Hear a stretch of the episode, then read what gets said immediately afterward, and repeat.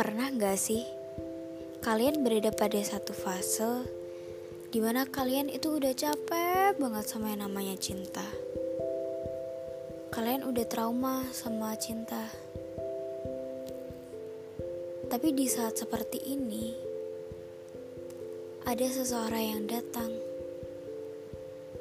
Dia berusaha nunjukin ke kalian kalau cinta itu gak semuanya mengerikan ada satu cinta yang indah.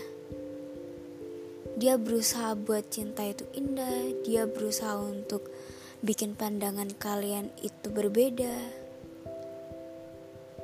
Lama-kelamaan kalian luluh dengan dia. Lalu kamu membuka hati kembali dan menjalani sama dia.